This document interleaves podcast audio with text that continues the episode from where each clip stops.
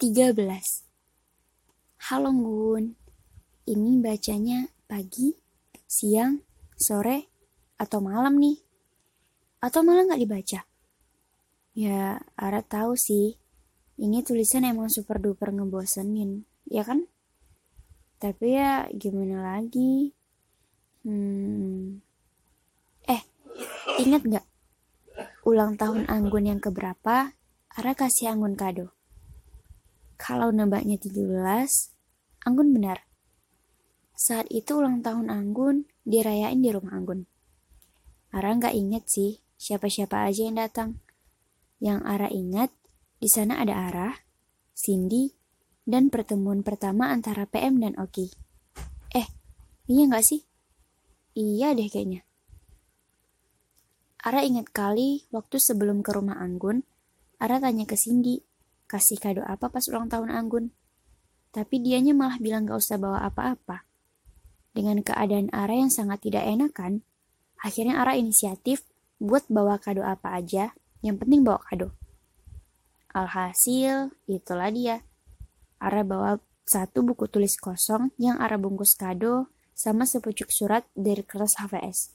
Tapi Ara nggak ingat Ara nulis apa. Kadang Ara suka ketawa-ketawa sendiri kalau ngingat sikap Ara di masa lalu. Masa ngasih kado Ulta buku tulis? Kayak habis menang lomba aja ya kan? Tapi setelah Ara pikir-pikir ya Gun, berapa kali coba Ara kasih kado Anggun buku? Kayaknya buku terus nggak sih? Dasar Ara nih, memang gak modal. Eh, tapi buku yang kali ini lebih berkelas lah ya dari buku-buku sebelumnya. Awas aja kalau bilang enggak. Mungkin nih Anggun, mungkin. Ara ngasih buku kosong saat itu, pertanda kalau akan ada sebuah cerita yang akan ditulis. Iya nggak? Rencana Allah emang indah ya, Gun. Serius lah ya, ternyata buat buku tuh nggak segampang yang Ara kira. Pantesan, orang buat buku bisa sampai dua, dua atau tiga tahun untuk satu buku. Ini arah buat tulisan ini aja nih, udah panjang kali rasanya. Eh, nggak tahu yang baru sampai sini doang. Serius nggak sabar banget pengen cepet-cepet nyelesain. Nggak lucu kan? Kalau buku tipis sekali, pakai banget. Apa pun hasilnya, semoga Angun suka ya. Amin.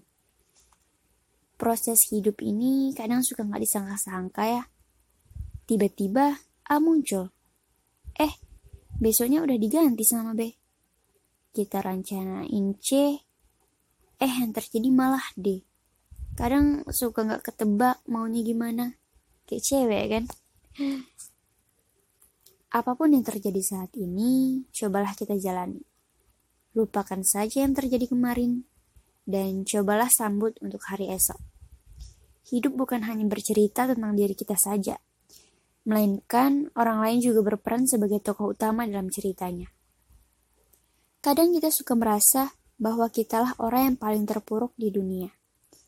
Tanpa sadar, banyak orang-orang di luar sana yang jauh lebih, lebih, dan lebih susah dari kita. Kita sering lupa bersyukur bahwa apa yang selama ini kita dapatkan belum tentu dimiliki orang lain. Bahkan Sesederhana mengucap terima kasih untuk diri sendiri saja, rasanya jarang kan? Padahal, dengan kita mengerti diri kita sendiri, dengan kita sering mengucapkan terima kasih pada diri kita sendiri, itu dapat membuat sesuatu yang berbeda.